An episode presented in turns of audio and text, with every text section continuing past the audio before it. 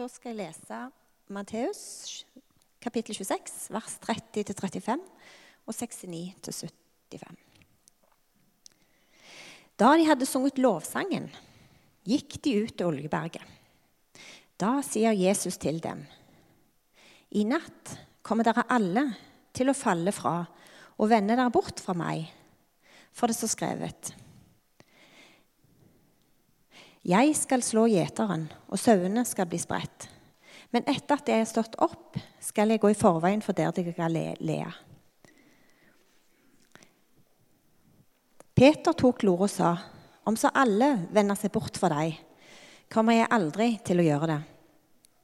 Jesus svarte, sannelig, jeg sier deg. I natt, før hanen galer, skal du fornekte meg tre ganger. Men Peter sa, 'Om jeg så må dø med deg, vil jeg ikke fornekte deg.' Det samme sa også alle de andre disiplene. Peter fornekter Jesus. Imens, Pet, imens satt Peter ute på gårdsplassen. En tjenestejente kom bort til ham og sa, 'Du var også med denne galileeren Jesus.' Men han nektet i alles påhør og sa, 'Jeg skjønner ikke hva du snakker om.' Da han gikk ut i porthvelvingen, fikk en annen jente øye på ham og sa til dem som sto der, Han der var med Jesus fra Nasaret. Peter nektet på ny og sverget på det. Jeg kjenner ikke denne mannen. Litt etter kom de som sto der, bort til Peter og sa, Visst er du en av dem, du også. Dialekten røper deg. Da ga han seg til å banne og sverge. Jeg kjenner ikke denne mannen. I det samme gol hanen. Da husket Peter det Jesus hadde sagt til ham. Før hanen galer, skal du fornekte meg tre ganger. Og han gikk ut og gråt bittert. Er det noen av dere som har prøvd å montere Ivar-hylle alene? Det har jeg gjort. Og Det var før de fikk den der nye klikkversjonen. Som gjør på en måte at Da står du iallfall når du har klikka det på plass. Mens versjonen før det, da sto du sånn etter å ha satt på de to første hyllene.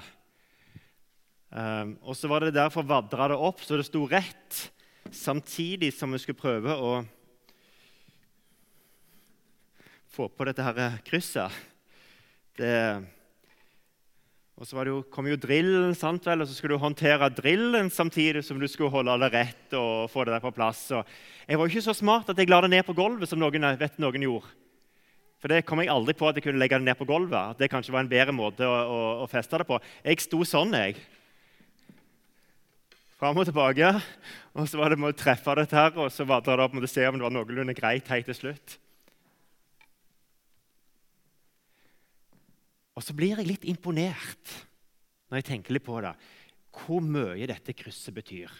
Jeg har ei hylle som står alene midt på gulvet, liksom på seg sjøl, ikke som en serie. Og så er det måte bare, Når du bare får stabilisert det med dette krysset, og får på alle hyllene etter hvert, hvor mye vekt du faktisk kan hive på den der hylla, og så står han helt greit. Så syns jeg alltid det der har vært en vits med det der festa i veggen der oppe, men det hjelper visst på litt av det òg, bare for å stabilisere det. Min Jesus-fortelling har vært noe av tematikken den siste måneden. Eh, og jeg tenkte at det ligger en hemmelighet i dette måte, krysset som jeg tror vi kan ta med oss inn i, når vi tenker om tro og tenker om Gud. For to uker siden så hadde vi om Jesus i hverdagen. Hva er det det betyr på en måte at Jesus er med oss i hverdagen? Og når jeg tenkte litt på det her, så tenkte jeg det at eh, det vi endte opp med, og hvis dere husker noe av det som Åshild sa på slutten av intervjuet sitt, så var det det at hun kunne snakke med Gud om alt. Og jeg tenker at En hemmelighet i vår vandring med Jesus er at det går en bevegelse fra oss mot Gud. En bevegelse der vi kan ta med oss alt det som vi opplever, erfarer, spørsmål, undringer, sinne Alle slags følelser kan vi ta med oss i møte med Gud. Og det er noe at Da blir Jesus en del av hverdagen. Hvis alt det jeg har, alt det jeg tenker, alt det jeg gjør, at det er rom for det hos Gud, så kan på en måte, troa mi romme hverdagen. Men så går det òg en bevegelse fra Gud til oss. Fra Gud til oss. Og i dag så tenker jeg at det handler litt om det der med Hvordan i all verden kan vi hjelpe hverandre til å skjønne at Gud vil oss vel? At Gud vil oss vel. Og at Gud i sitt kontakt med oss er ute etter å formidle både hvor glad han er i oss, men òg at han heier på oss. Jeg har tenkt litt på forskjellen på Peter og Judas, to av disiplene. Begge svikta Jesus. For den ene så blir det et vendepunkt til en ny tro på Jesus, en sterkere tro på Jesus. Mens for Judas så blir det en måte Nei, da gir jeg opp. Det nytter ikke. Jeg kan ikke tro på dette. her. Og enten det er opplevelsen av at vi sjøl kommer til kort, sånn som Peter og Judas opplevde, eller det er at livet møter oss med ulike trøkker, så vi kan lure på hvor er Gud henne når vi opplever sånn og sånn. Så er det tydelig at Judas og Peter hørte samme stemmen fra Jesus. De hørte samme stemmen fra Gud, men det var noe med at kommunikasjonen ikke nådde inn hos mottaker. Sånn at det ble et vendepunkt, men kommunikasjonen stoppet en eller annen plass langs denne linja. Hva er det som gjør da at kommunikasjonen måtte når helt fram?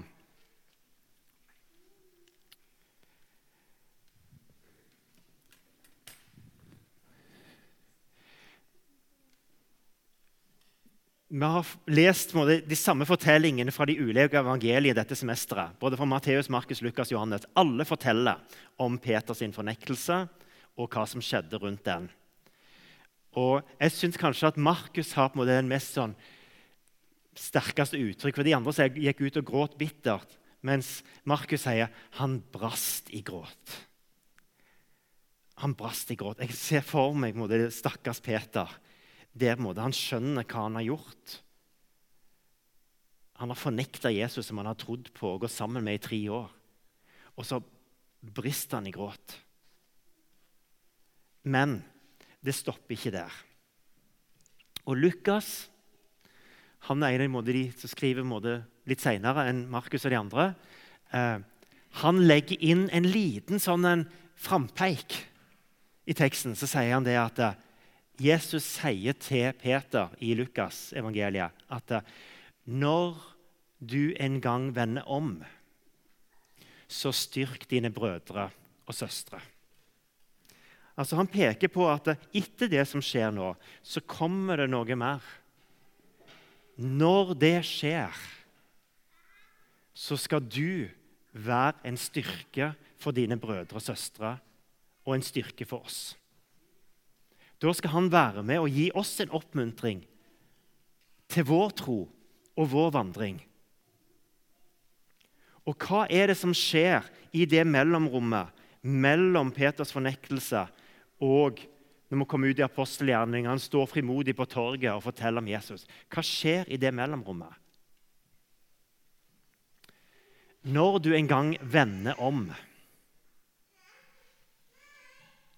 Ordet omvendelse har vi jo gjerne litt sånn assosiasjoner på. At det er liksom Enten vi har hørt liksom sånn, ja, da er da du begynner på en måte å tro på Jesus.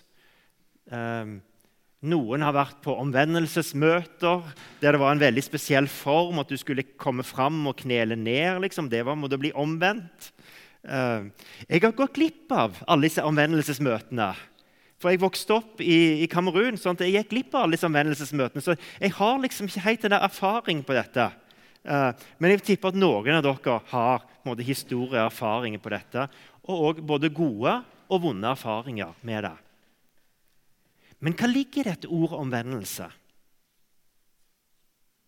Hva ligger i dette ordet omvendelse? Og Jeg har bare lyst til å ta dere med litt inn i gresken i dag. Det er ikke så ofte jeg gjør det. Men gresk, greske ordet som da Jesus brukte i dagligtalen, er metanoia. Og Det består av ordet meta og ordet nos, som er bøyd. Eh, og Ordet meta betyr både bak, etter og over. Mens nos handler om tanken vår, sinnet vårt, våre mentale prosesser. Det er liksom et veldig sånn, stort, omfattende ord. Eh, og Derfor er det i Bibelen, når disse setter sammen, så er det ofte sånn, blitt et uttrykk på en litt sånn stor omveltning i vårt tankemønster og hvordan vi ser på og tenker ting, eller tror. Eh, noen oversetter det med ettertanke. Altså det, det, som skjer etter du har opplevd noe, erfart noe, og på en måte reflektert over det og sett sammenheng, da kommer det en ettertanke som gir deg en helhetsforståelse. Eller overblikk. er også blitt oversatt som. Når du skal oversette direkte. For det er vanskelig å finne et sånn eksakt ord for det. Men det handler altså om den der ettertanken eller overblikket på oss sjøl og på det som skjer. I romerbrevet så bruker Paulus også dette uttrykket. Jeg liksom skal få opp den teksten.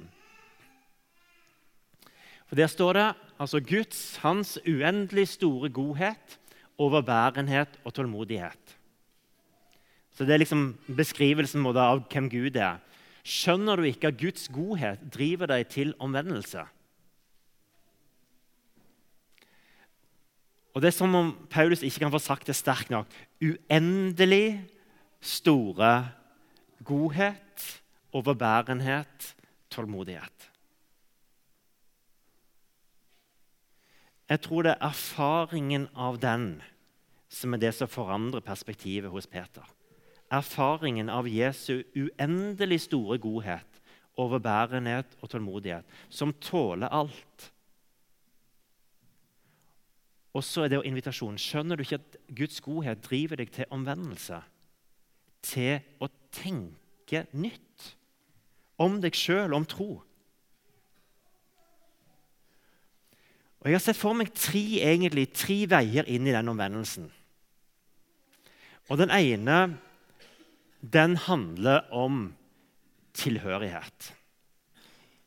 I vårt tankemønster og i måten vi tenker om tro på. Og vi, vi praktiserer det hver gang vi har dåp. Så handler det nettopp denne tenken om at vi hører til hos Gud. At Noah han hører til hos Gud. Og han vil alltid høre til der. Det er ingenting som kan skille verken Noah eller oss andre fra Guds kjærlighet. Samme hva som skjer hos deg sjøl, hos andre, så skal den første ettertanken, den første omvendelsen, metanoia, være at dette er ikke noe som tar fra meg tilhørigheten hos Gud. Samme hva. Det er ingenting fra på en måte Guds bevegelse til meg som kan ta fra meg den tilhørigheten. Det kan være på en måte erfaringen min og opplevelsen av det. Det kan det være på en måte noe som hindrer. Men det er ingenting i Guds bevegelse mot meg som kan ta fra meg denne tilhørigheten. Så Sånn sett så blir omvendelse måte, å la den kommunikasjonen fra Gud nå helt fram til meg sjøl. At det er ingenting som kan ta fra meg den tilhørigheten hos Gud. Og så er det den andre omvendelsen. Det er at det alltid er tilgivelse og en ny start. Det er alltid en mulighet til å begynne på nytt igjen. Det var det Peter fikk erfare. Han fikk tilgivelse. Han fikk lov til å begynne på nytt igjen. Og så gå på et vis Den er jo litt sånn på en måte at ja, vi vet, vi vet at ja, sånn er det. Men litt det der å ta det, på en måte, la det nå helt inn.